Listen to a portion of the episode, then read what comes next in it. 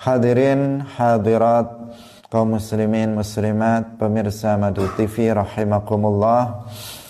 Pada pagi hari ini kita akan lanjutkan pembahasan tentang syarat-syarat sah dari salat.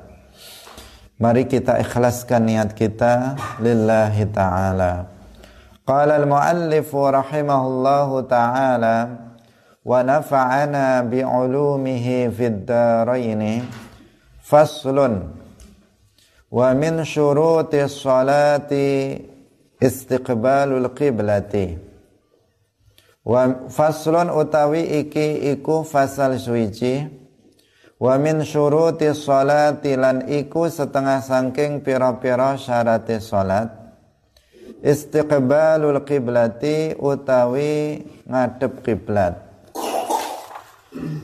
wa dukhulul wa dukhulul waqti lan mlebune waktu. Wal islamu lan islam.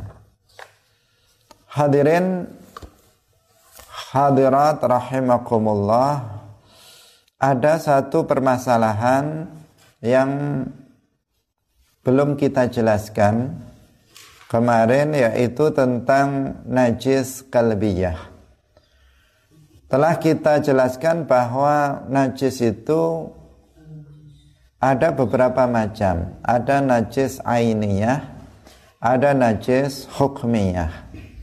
Najis ainiyah adalah najis yang masih ditemukan benda atau sifat-sifatnya. Cara mensucikannya atau cara menghilangkan najis ini adalah dengan membasuhnya dengan air yang suci mensucikan sampai hilang benda atau sifat-sifat najis tersebut. Sampai hilang benda dan sifat-sifat najis tersebut. Nah, hilang warnanya, hilang rasanya, dan hilang baunya. Kemudian yang kedua adalah najis hukmiyah kebalikan dari najis ainiyah yaitu najis yang sudah tidak ditemukan lagi benda dan sifat-sifatnya. Jadi najis yang bendanya serta sifat-sifatnya, rasanya, baunya, dan warnanya itu sudah tidak ditemukan lagi. Nah, tata cara menghilangkan najis hukmiyah ini adalah dengan satu kali mengalirkan air yang suci dan mensucikan pada tempat yang terkena najis. Nah, sekali disiram, maka itu sudah menjadi suci tempat yang terkena najis tersebut. Kemudian satu lagi yaitu najis kalbiyah. Najis kalbiyah adalah najis babi dan anjing. Nah, istilahnya kalbiyah atau mughalladzah yaitu najis anjing tetapi termasuk di sini adalah najis babi. Nah, najis babi atau anjing cara menghilangkannya berbeda dengan najis yang lainnya yaitu dengan cara membasuhkan air yang suci dan mensucikan pada tempat yang terkena najis itu sebanyak tujuh kali. Nah, salah satu dari tujuh basuhan tersebut dicampur dengan tanah yang mensucikan. Jadi dibasuh tujuh kali, salah satu apakah di akhir ataukah di tengah, itu airnya dicampur dengan tanah. Jadi diaduk dengan tanah uh, sampai airnya berwarna tanah, kemudian apa? dibasuhkan pada tempat yang terkena najis tersebut. Nah, di sini perlu diperhatikan bahwa wal muzilatu lil aini wa in ta'addadat wahidatun bahwa yang menghilangkan benda najis dari anjing atau babi itu dihitung satu meskipun berbilang. Jadi misalnya pertama kita membasuh yang terkena misalnya jilatan anjing. Nah, kita basuh sekali. Ketika itu sudah hilang berarti sudah satu kali basuhan. Maka yang kedua nanti dihitung dua, tiga, empat, lima, enam, tujuh. Tetapi apabila kita basuh satu kali jilatan anjing itu misalnya nggak hilang, maka kita basuh lagi yang kedua kalinya. Kita basuh kedua kalinya kok belum hilang, dibasuh lagi yang ketiga kalinya baru hilang. Maka tiga ini dihitung satu baru yang setelah hilang ini kemudian ditambah lagi basuhan kedua, ketiga, keempat, kelima, keenam, ketujuh. Nah, jadi yang menghilangkan najis itu dihitung satu kali basuhan meskipun basuhannya berkali-kali. Nah, kalau satu kali sudah bersih ya berarti dihitung satu nah, nanti yang lain berikutnya tujuh tepat. Tetapi jika satu kali tidak tidak hilang benda najisnya, maka bisa dua kali, bisa tiga kali, bisa empat kali, bisa lima kali. Nah, lima kali itu dihitung satu kali. Pokoknya yang menghilangkan najis itu dihitung satu kali.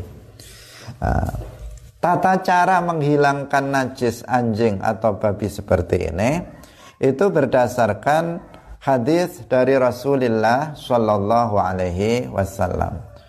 Beliau bersabda, "Idza walaghal qalbu fi ina'i ahadikum falyuriqhu thumma liyaghsilhu sab'a mirarin." Apabila anjing menjilat bejana salah seorang dari kalian, hendaklah ia menumpahkannya dan membasuhnya tujuh kali.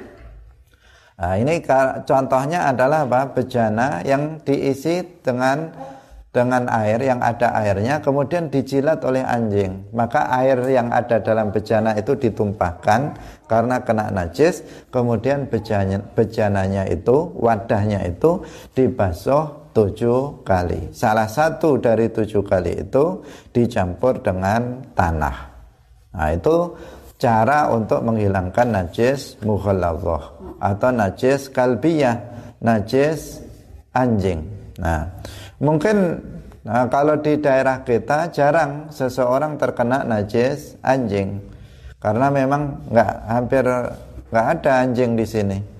Nah, tetapi kalau di daerah-daerah yang tertentu anjing itu banyak bisa anjing liar atau anjing yang dipelihara oleh pemiliknya.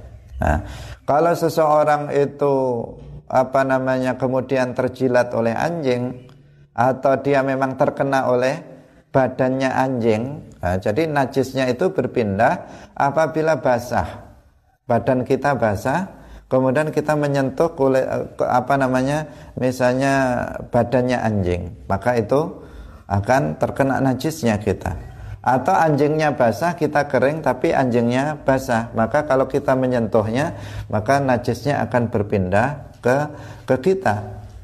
Nah, tetapi kalau misalnya sama-sama kering, sama-sama kering, kering sama sekali, maka di sini tidak berpindah najisnya, nah, tidak berpindah ke kita.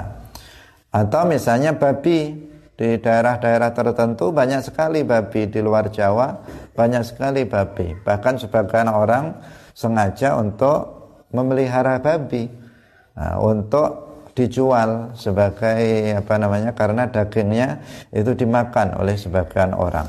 Nah, dan ini haram. Memakan daging babi itu haram dengan apa? Dengan nas dari Al-Qur'an dan hadis. Karena itu demikian juga daging apa? Daging anjing itu juga haram untuk dimakan. Yang haram bukan hanya dagingnya saja, Meskipun dalam Al-Quran itu yang disebutkan lahmul khinzir, daging babi, tetapi bukan maknanya bahwa yang haram dagingnya saja, tulangnya nggak apa-apa misalnya, atau kulitnya nggak apa-apa, jeruannya nggak apa-apa, bukan seperti itu. Tetapi keseluruhan dari babi ataupun anjing itu haram. Nah, disebut daging karena yang biasa dimakan itu dagingnya. Nah, tetapi kalau seseorang memakan yang lainnya itu juga haram bahkan juga najis. Najisnya najis berat yang cara mensucikannya berbeda dengan apa namanya najis-najis yang lainnya. Hadirin rahimakumullah. Kemudian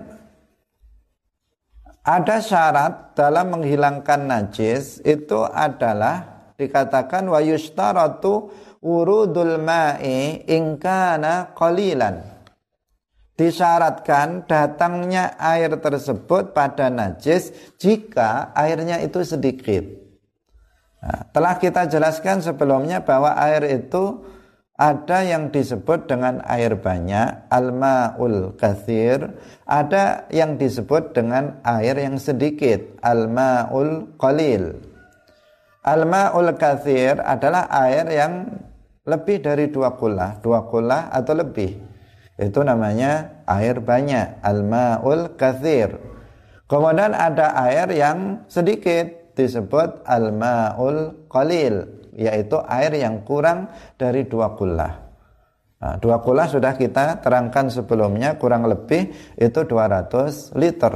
Kurang lebih 200 liter. Ini air yang dua kullah atau lebih dari itu. Nah, maka itu namanya air banyak. Kalau air banyak, ketika kita mensucikan najis, boleh uh, boleh najisnya yang di, di, dimasukkan ke air. Misalnya sungai, sungai itu besar, airnya sangat banyak. Misalnya uh, tangan kita kena tai atau kena kencing, kita masukkan ke dalam air itu, maka bisa menjadi suci. Uh, najisnya datang ke air tidak masalah. Tetapi jika airnya itu sedikit, airnya sedikit, maka airnya yang harus datang ke najis. Artinya airnya yang dialirkan ke najis, ke tempat yang terkena najis. Nah, misalnya tangan kita terkena najis, airnya cuma satu apa? Satu gayung airnya cuma satu gelas maka airnya yang dialirkan airnya yang dialirkan ke tempat yang kena najis itu tata cara tata caranya yang penting untuk diperhatikan karena sebagian orang tidak memahami ini dia airnya satu bak saja satu bak berarti apa nggak sampai dua kula nah, kemudian apa ketika mencuci baju airnya sudah diisi uh, baknya kemudian bajunya dimasukkan ke dalam bak itu. Nah ini apa? Ini jadi najis semua airnya ini. Kalau misalnya pakaian-pakaian suci dimasukkan ke situ juga, maka semua pakaiannya akan kena najis. Karena terkena air yang mutanajis maka kalau pakaiannya dimasukkan ke situ maka semuanya menjadi mutanajis semua menjadi terkena najis semua. Lah di sini makanya uh, perlu dipisahkan antara pakaian yang terkena najis yang nggak terkena najis. Pakaian yang terkena najis mencucinya jangan sampai itu dimasukkan ke bak kemudian diberi air atau ada airnya di bak itu kemudian dimasukkan ke situ bersamaan dengan pakaian yang terkena najis. Maka akan menjadi najis semuanya. Bajunya akan najis semuanya. Nah, hadirin rahimakumullah maka dipisahkan. Kalau mencuci pakaian dipisahkan. Mana pakaian yang kena najis mana pakaian yang tidak terkena najis. Nah, yang terkena najis uh, itu apa? Karena kita kita misalnya kalau mencucinya kita di sungai, maka enak, uh, enak langsung misalnya kita masukkan ke sungai udah beres. Tetapi kalau kita mencucinya di bak, maka pisahkan yang najis sama yang nggak kena najis. Yang najis misalnya diwadahi di bak, yang layak yang atau yang tidak najis itu diwadahi di bak, ya, yang yang suci dimasukkan ke bak. Kemudian yang najis diperlakukan secara khusus. Karena apa? Yang najis ini kalau airnya itu air sedikit maka dialirkan. Misalnya air keran maka di, di dialirkan dari keran atau misalnya kalau kita pakai gayung maka disiram dengan gayung agar dia menjadi suci. Nggak boleh airnya yang dimasukkan ke dalam bak tetapi airnya yang disiramkan. Itu kalau airnya sedikit kurang dari dua kula tetapi jika airnya banyak seperti tadi kita contohkan dimasukkan tidak masalah. Nah, dimasukkan ke dalam air itu tidak masalah. Nah, dengan catatan apa namanya airnya itu juga harus berimbang Kalau airnya banyak, kemudian pakaian yang terkena najis itu banyak sehingga merubah air itu, maka ini bisa menjadi apa namanya? menjadi najis juga airnya jika najisnya itu merubah uh, merubah sifat dari air bau rasa dan warnanya berubah maka meskipun airnya itu banyak akan berubah menjadi air yang najis Hadirin hadirat pemirsa Madu TV yang dirahmati oleh Allah Subhanahu wa taala. Nah, sekarang kita lanjutkan kembali tentang syarat sah salat yang berikutnya yaitu istiqbalul qiblati, menghadap ke kiblat. Kiblat salat adalah Ka'bah. Kiblat salat adalah Al-Ka'bah Al-Musyarrafah. Nah, yaitu yang ada di Masjidil Haram itu. Ah, benda benda Ka'bahnya yang berbentuk apa kubus itu nah, itu namanya Al-Ka'batul Musyarrafah kita semuanya saya yakin umat Islam sudah mengetahuinya meskipun gambarnya nah, belum pernah menyaksikan melihat sendiri Al-Ka'batul Musyarrafah tetapi uh, setiap muslim uh, mengetahui meskipun hanya gambarnya baik atau atau videonya di TV atau di tempat yang lain. Nah, Ka'bah itu adalah kiblat uh, kiblat daripada sholat. Nah, kiblatnya itu adalah ya benda Ka'bah itu. Benda Ka'bah itu naik sampai ke atas langit ketujuh itu semuanya adalah yang sejajar dengan itu itu semuanya adalah kiblat dalam sholat kalau ke bawah sampai ke bumi ke tujuh yang lurus dengan dengan benda Ka'bah itu itu adalah kiblat dalam sholat. Nah, artinya jika seseorang itu di atas pesawat, sholat di atas pesawat, maka dia menghadap ke mana? Menghadap kelurusan yang sejajar dengan Ka'bah. Nah, tidak harus menghadap ke bawah. Nah, kalau ke bawah ya gimana sholatnya masa sambil tidur. Nah, jadi dia tetap menghadap sholat seperti biasa. Nah, tetapi menghadap ke arah misalnya Ka'bahnya di sini, maka menghadap ke arah Ka'bah. Nah, karena apa? Yang menjadi kiblat itu adalah benda Ka'bah ini ke atas sampai ke langit ketujuh, ke bawah sampai ke bumi ketujuh. Itu semuanya adalah kiblat. Nah, kiblat dari sholat. Nah, Kenapa kita dalam menghadap eh, itu menghadap eh, dalam sholat itu menghadap Ka'bah? Nah, karena memang itu kiblat sholat. Allah jadikan sebagai kiblat sholat. Tidak menunjukkan bahwa Allah itu ada di dalam Ka'bah itu. Nah, ini mungkin ada yang salah paham maka harus diperjelas. Kita sholat menghadap Ka'bah itu karena Ka'bah itu adalah kiblatnya sholat, tempat menghadapkan badan kita ketika kita sholat. Nah, perintah Allah begitu. Sebelumnya pernah umat Islam itu kalau sholat menghadap ke Masjidil Aqsa, ke Baitul Maqdis di Palestina. Pernah. Kemudian Rasulullah diperintahkan untuk ganti, yaitu ganti ke ke Ka'bah. Itu karena apa? Syarak yang memerintahkannya. Allah yang menetapkan arah kiblat itu. Arah menghadap ketika kita sholat. Bukan maksudnya bahwa Allah itu ada di dalam Ka'bah itu. Nah, seperti halnya ketika kita menengadahkan tangan kita ke arah langit. Kalau kita berdoa. Ketika kita berdoa, kita tengadahkan ke arah langit. Ini tidak menunjukkan Allah itu di langit Nah, tetapi karena langit adalah kiblatnya doa. Jadi Ka'bah kiblatnya sholat, langit kiblatnya doa. Karena di sanalah tempat turunnya rahmat. Langit adalah tempat yang suci, nggak pernah dilakukan maksiat sekalipun. Karena penduduk langit adalah para malaikat yang mereka tidak pernah bermaksiat. La ya'sunallaha ma amarahum wa yaf'aluna ma yu'marun. Nah, sehingga langit dijadikan sebagai kiblatnya doa oleh Allah. Bukan menunjukkan Allah di langit, tetapi karena sana adalah kiblatnya doa. Ka'bah adalah kiblatnya sholat. Langit adalah kiblatnya doa. Nah, ini tidak menunjukkan Allah di langit, yang itu tidak menunjukkan Allah di Ka'bah. Meskipun namanya itu Baitullah, Baitullah itu artinya bait, rumah yang digunakan untuk beribadah kepada Allah, termasuk masjid. Masjid-masjid kita ini kan disebut juga Baitullah. Apa artinya?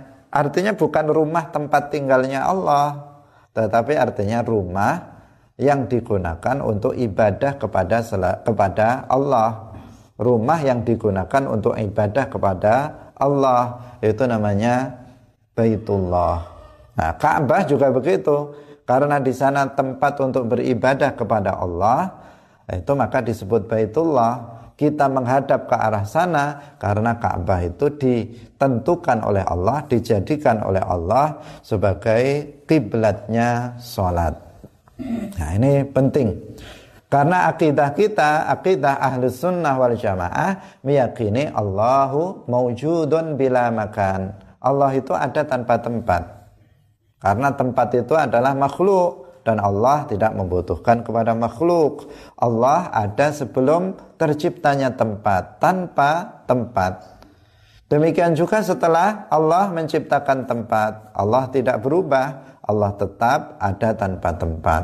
Memang tidak bisa difikirkan, tidak di, bisa dikhayalkan, tidak bisa dibayangkan. Untuk kita yakini bahwa Allah itu ada tanpa tempat karena dia uh, ada sebelum terciptanya tempat tanpa tempat dan karena dia tidak membutuhkan kepada selainnya. Allah ghaniyun 'anil alamin. Allah tidak butuh kepada alam semesta ini tempat adalah alam, Allah tidak membutuhkannya.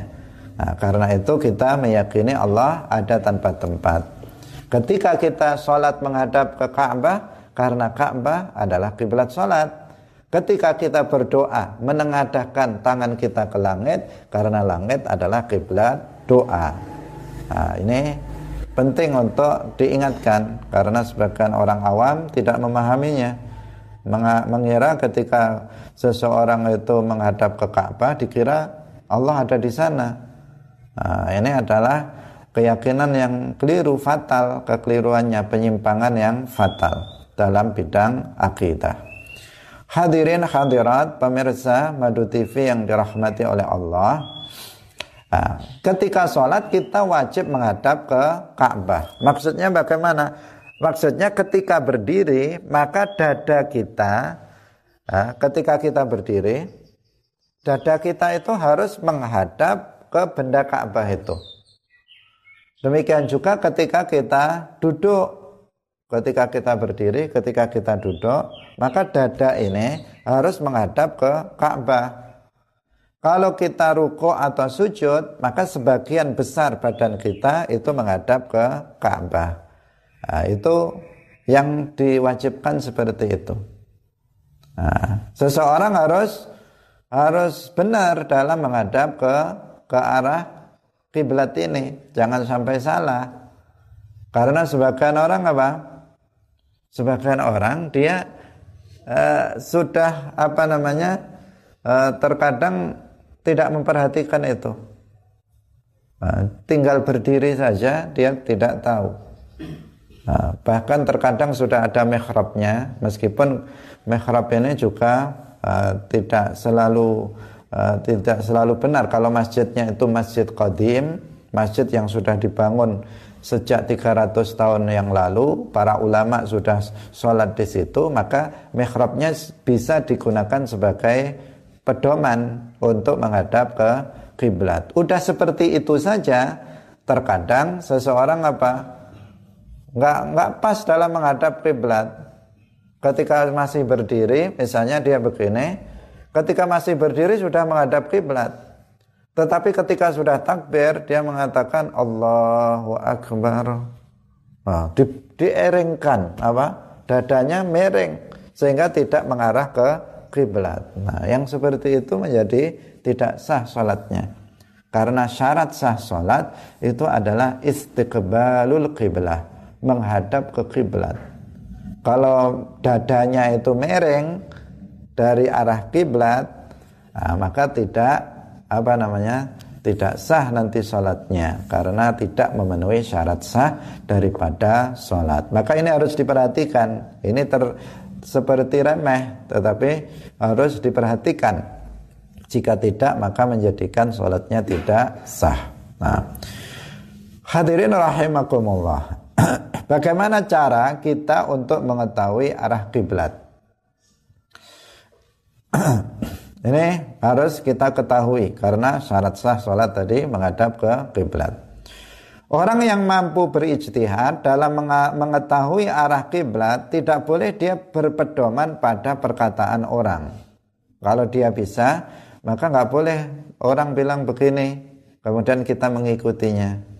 Tetapi kita harus melakukan ijtihad. Nah, kalau misalnya kita masuk ke dalam rumah seseorang, kita masuk misalnya kita bepergian ke tempat saudara kita. Kemudian kita masuk ke rumah itu.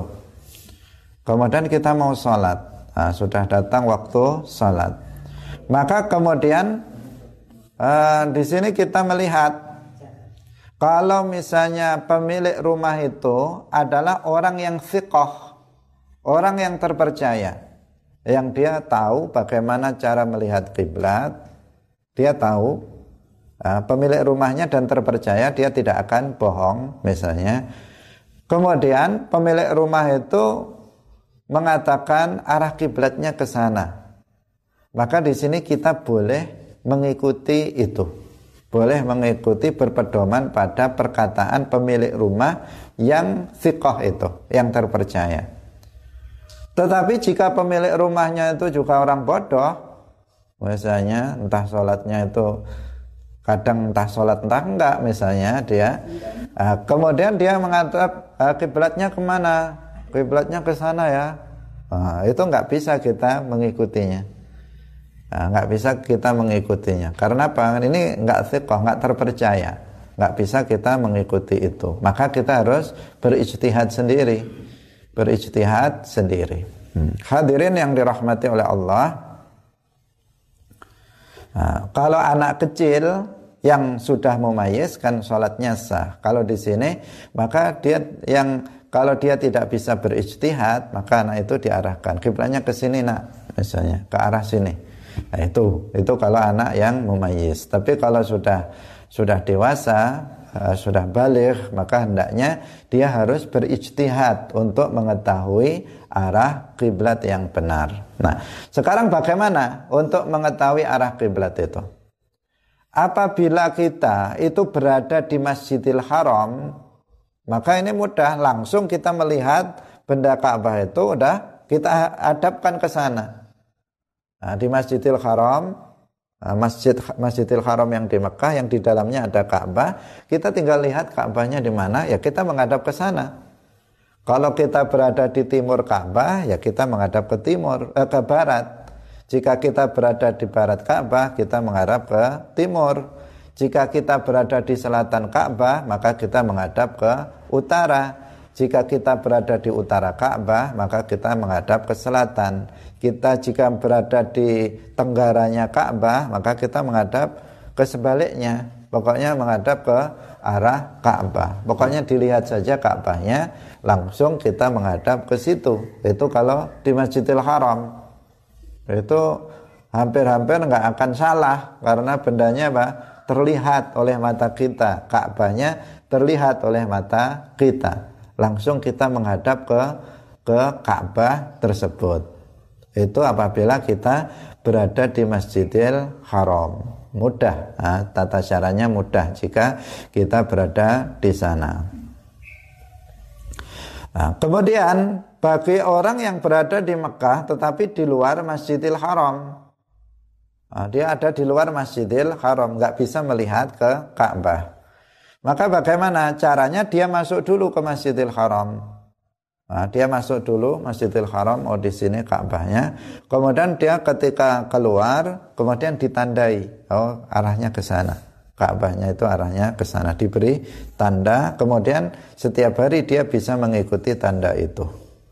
Nah, itu jika dia masih di di Makkah tetapi di luar Masjidil Haram. Caranya dia masuk dulu ke Masjidil Haram kemudian keluar di ditandai.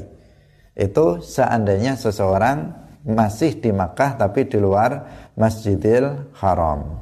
Nah, kemudian bagi orang yang di luar Mak Makkah seperti kita jauh dari Makkah, uh, bagaimana cara untuk mengetahui uh, mengetahui kiblat? Yang pertama yang harus dilakukan adalah mengetahui di mana posisi Makkah. Posisi Makkah dari Indonesia itu di arah mana? Itu yang pertama harus diketahui. Nah, apakah eh, apakah Indonesia ini misalnya itu di arah selatannya Ka'bah, di arah selatannya Makkah, di baratnya Makkah, di timurnya Makkah, atau di utaranya Makkah. Ini yang harus ditentukan terlebih dahulu. Nah ternyata Indonesia itu berada di timurnya Makkah. Nah, karena setelah kita tahu bahwa misalnya kita berada di timurnya Makkah, maka berarti menghadap ke barat. Nah, menghadap ke barat. Jadi sholat itu tidak mesti menghadap ke barat.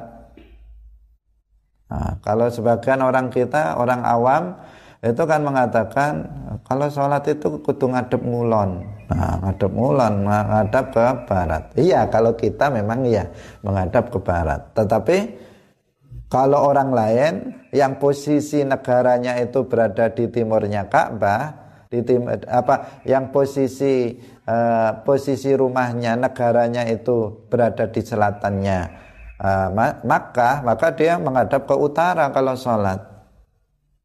Orang-orang yang posisinya itu negaranya ada di barat Ka'bah, itu kalau sholat menghadap ke timur. Nah, tidak mesti menghadap ke barat sholat itu, tetapi menghadap menghadap ke ke arah Ka'bah. Nah, lah kita posisi kita negara kita itu berada di arah timur dari Makkah sehingga kita menghadapnya ke arah ke arah barat nah, ke arah barat. Ini kalau kita. Jadi di Indonesia ini posisi Indonesia berada di arah timur sedikit ke selatan, tidak pas, tetapi agak ke selatan sedikit. Nah, kita lihat peta, nah, peta yang yang terpercaya. Kita lihat peta yang terpercaya di mana posisi Indonesia. Kemudian uh, kita ketahui ternyata posisi negara kita itu berada di arah timur agak ke selatan sedikit.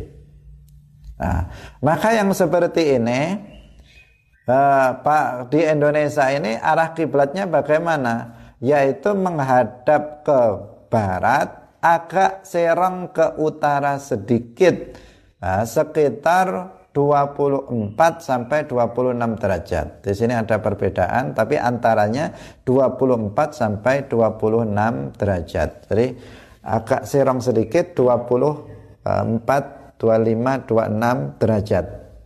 Jadi tidak pas menghadap ke ke barat. Nah nah di sini kita harus tahu barat dulu. Kalau nggak tahu barat ya nggak bisa menghadap nanti menghadap ke kiblat. Baratnya mana kalau dia mengatakan baratnya sana, misalnya ya keliru. Misalnya baratnya harus diketahui terlebih dahulu. Nah, cara untuk mengetahui arah barat bagaimana? Uh, di antaranya adalah dengan kalau sekarang adalah dengan kompas. Dengan kompas. Kompas itu alat itu yang untuk mengetahui arah. Jadi pertama kita kita kita apa? Kita tentukan dilihat dalam kompas mana arah barat itu? Oh sana arah barat. Kemudian 26 derajat kita ambil 26 derajat ke utara. Nah, inilah arah kiblatnya. Nah, jadi tata caranya seperti itu. Pertama apa berarti? Kita lihat arah posisi negara kita dari Makkah di sebelah mana. Nah, kemudian setelah itu baru setelah ketahuan Indonesia berada di timur agak ke selatan sedikit. Maka berarti kiblatnya adalah ke barat agak ke utara sedikit. Yaitu 24 sampai 26 derajat. Nah, cara mengetahui arah barat bukan dikira-kira saja, tetapi misalnya dengan menggunakan kompas. Menggunakan kompas. Oh, arah barat ke sana, maka kita serong sedikit ke utara 24 atau 25 26 derajat. Nah, itu tata caranya seperti itu. Atau bisa juga kita langsung menggunakan kompas yang uh, mujarab namanya kompasnya itu bukan sembarang kompas ya. Kompas yang kita maksud tadi bukan sembarang kompas, tetapi kompas yang mujarab. Mujarab itu teruji. Mujarab itu artinya apa? Teruji. Kompas yang teruji itu kompas yang bagaimana? Yang pertama, kompas yang sudah kita uji di Masjid Qadim Masjid lama. Masjid lama itu adalah masjid yang sudah dibangun minimal 300 tahun yang lalu. Masjid yang sudah dibangun 300 tahun yang lalu. Bukan masjid baru. Masih masih 10 tahun, masih 20 tahun, itu masjid baru namanya, bukan masjid qadim.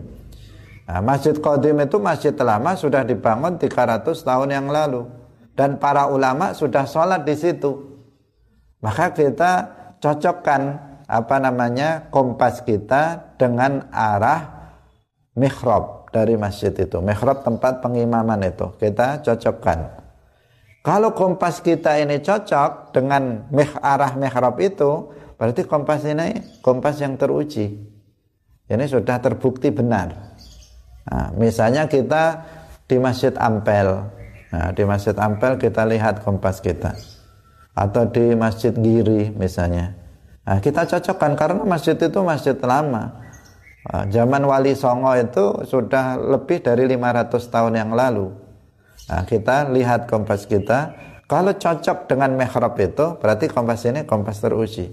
Kalau ternyata nggak benar kompasnya, beli lagi kompas yang lain. Ini nggak bisa ini kompas ini kompasnya rusak kompasnya nggak bisa nggak akurat maka di kita cari kompas yang lain nah, untuk dicocokkan itu jika sudah cocok di di masjid Qadim ini sudah cocok maka kompas ini bisa dipakai di mana-mana meskipun kita di rumah meskipun kita dalam bepergian di di perjalanan maka kita cocokkan itu eh, kompas itu langsung kita pakai itu bisa karena apa? Kompasnya sudah teruji.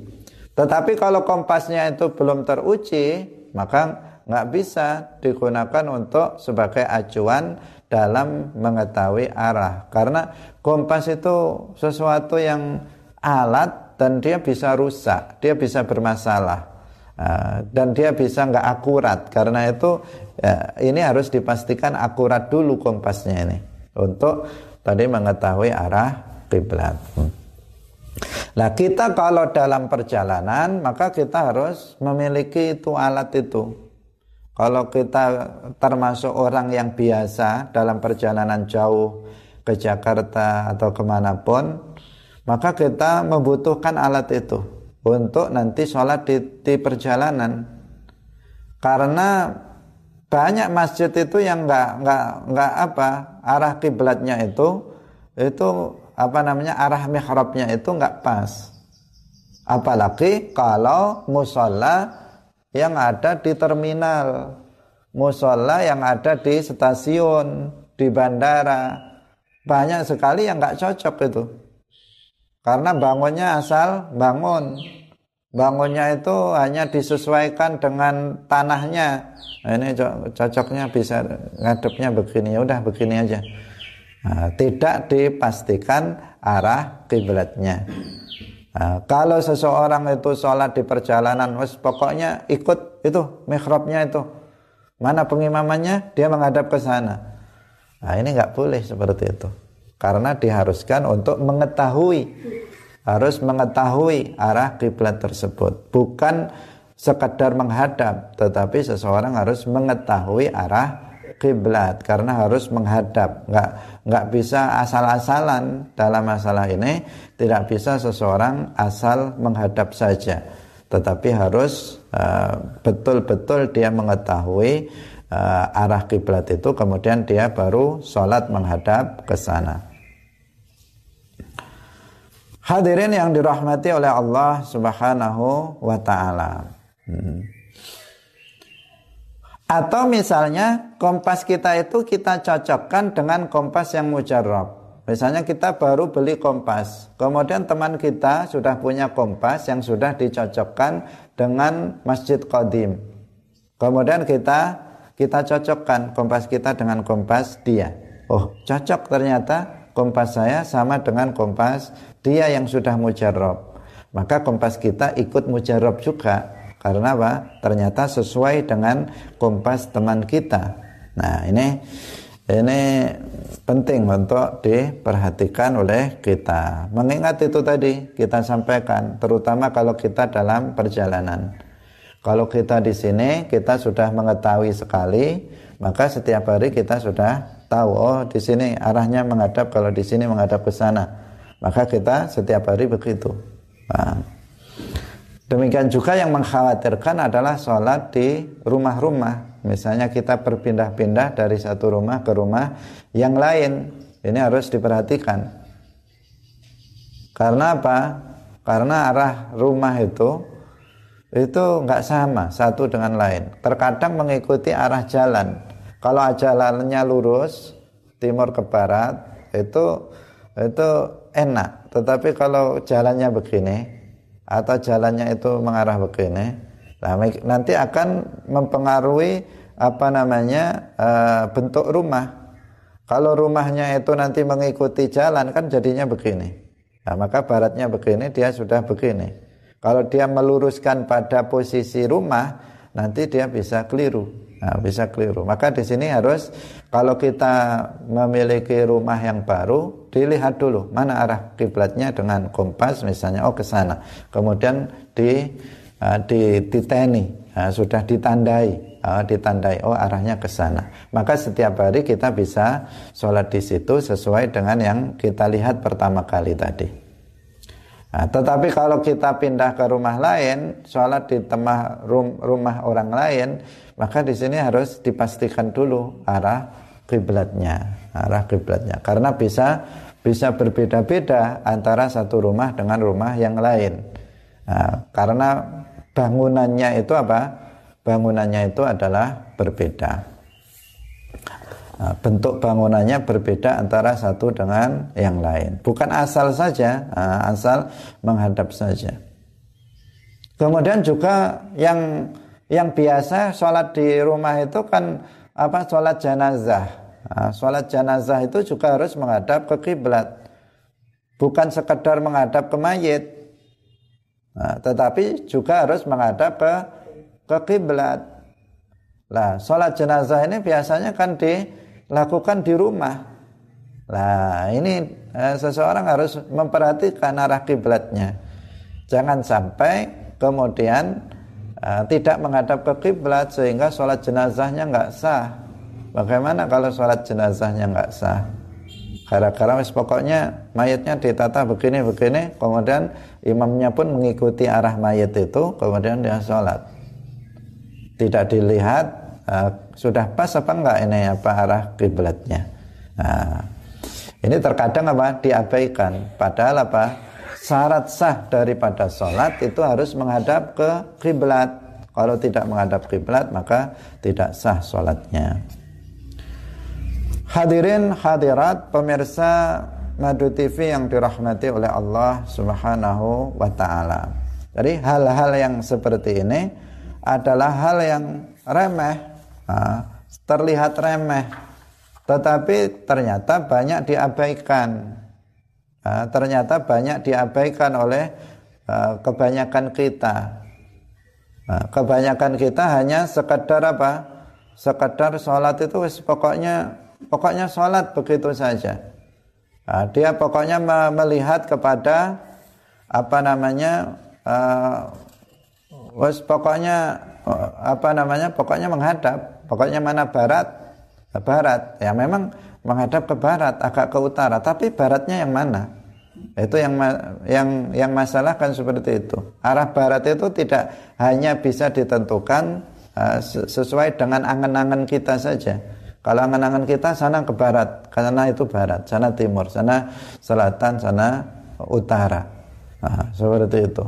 Nah, bahkan sebagian sebagian daerah malah nggak tahu arah itu ada yang nggak tahu.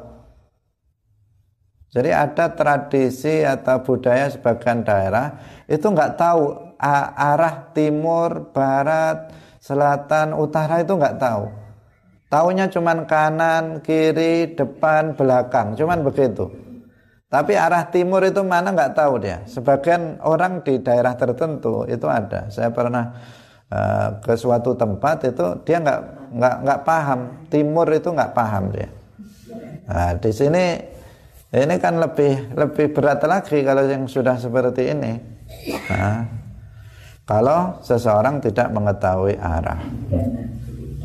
Ini terkait dengan masalah masalah apa? Terkait dengan masalah sholat kita. Hendaknya seorang muslim itu memperhatikan, memperhatikan surut surut sihatis sholat, syarat-syarat sahnya sholat itu harus diperhatikan. Nah, kalau enggak sekedar sholat maka nanti akan masuk pada hadis tadi, pada hadis Rasulullah rubba qaimin laisa lahu min qiyamihi illa sahar Betapa banyak orang yang sholat tetapi dia tidak mendapatkan apa-apa dari sholatnya kecuali dia nggak tidur malam saja. Ini kasusnya adalah sholat malam. Demikian juga sholat wajib. Kalau dia tiap hari sudah sholat lima waktu komplit jamaah lagi misalnya, tetapi kemudian sholatnya ngawur, sholatnya ngawur, pakaiannya bersih tetapi enggak suci. Cara mencuci men, mensucikan pakaian mencuci pakaian dia enggak paham. Sehingga bukan bukan suci tapi malah najis misalnya. Kemudian tiap hari dia sholat menghadap kiblatnya juga dia enggak tahu. Pokoknya menghadap. Kan sungguh kasihan orang yang seperti ini dikatakan oleh Nabi betapa banyak orang yang sholat tetapi dia nggak mendapatkan apa-apa dari sholatnya. Artinya dia nggak mendapatkan pahala sholatnya tidak sah atau sholatnya tidak diterima oleh Allah subhanahu wa ta'ala. Nah, kan sungguh kasihan orang seperti ini. Nah, sungguh kasihan sholatnya rajin masalahnya. Kalau dia sholatnya nggak begitu rajin ya memang dia berhak untuk diazab tapi kalau orang itu misalnya sholatnya sudah rajin, jamaah, tertib, menutup aurat saja nggak bisa, menghadap kiblat nggak bisa, mensucikan pakaiannya dari najis tidak bisa, misalnya. Nah, sungguh sangat kasihan seperti ini. Nggak mau belajar lagi. Orang ini akhirnya maghrur. Di akhirat dia perasaan dia saya sudah surga ini, sudah surga karena saya rajin sholat, nggak pernah tinggal sholat. Nah, perasaan dia seperti itu. Nah, perasaan dia apa? Sudah surga di depan mata. Karena apa? Dia secara zahir sudah mengerjakan sholat. Secara zahir dia sudah apa namanya? Uh, sudah beribadah dengan dengan apa? Istiqomah. Tetapi ternyata istiqomah salah. Jadi istiqomahnya bukan istiqomah istiqomah benar, tetapi istiqomah yang salah. Maka ilmu ini sangat penting sekali agar sholat kita itu benar. Nah, tidak boleh seseorang itu meremehkannya, karena kalau seseorang meremehkannya, nah, dia dalam bahaya, dalam bahaya ibadahnya nggak sah. Nah, padahal sholat ini sudah kita sering kita sampaikan berkali-kali. Sholat ini adalah ibadah yang pertama kali nanti akan dihisap Kalau sholat kita baik maka itu yang lain akan menjadi baik. Kalau sholat kita buruk maka yang lain juga buruk. Nah, Itu adalah parameter dalam bagi seseorang kebaikan bagi seseorang. Jika ternyata uh, seseorang itu sholatnya asal saja dan itu jumlahnya sangat banyak zaman Nabi saja Nabi mengatakan tadi rubba qaimin laisa lahu min qiyamihi illa ila sahar ah, betapa banyaknya rubba itu untuk menunjukkan itu betapa banyaknya itu pada zaman Nabi Pertanyaannya bagaimana zaman sekarang? Tentu lebih parah. Tentu lebih parah. Nah, kita sulit untuk membayangkan bagaimana orang-orang itu seandainya mereka tidak belajar ilmu agama. Sebagian orang memang sudah sholat dari kecil karena bapaknya itu muslim, ibunya muslim, dia sudah sholat dari kecil. Tetapi sholat tanpa ilmu, hanya ikut-ikutan saja. Nah, kalau istilahnya sekarang apa? Rubuh-rubuh gedang. Jadi pokoknya apa? Nah, ngikuti.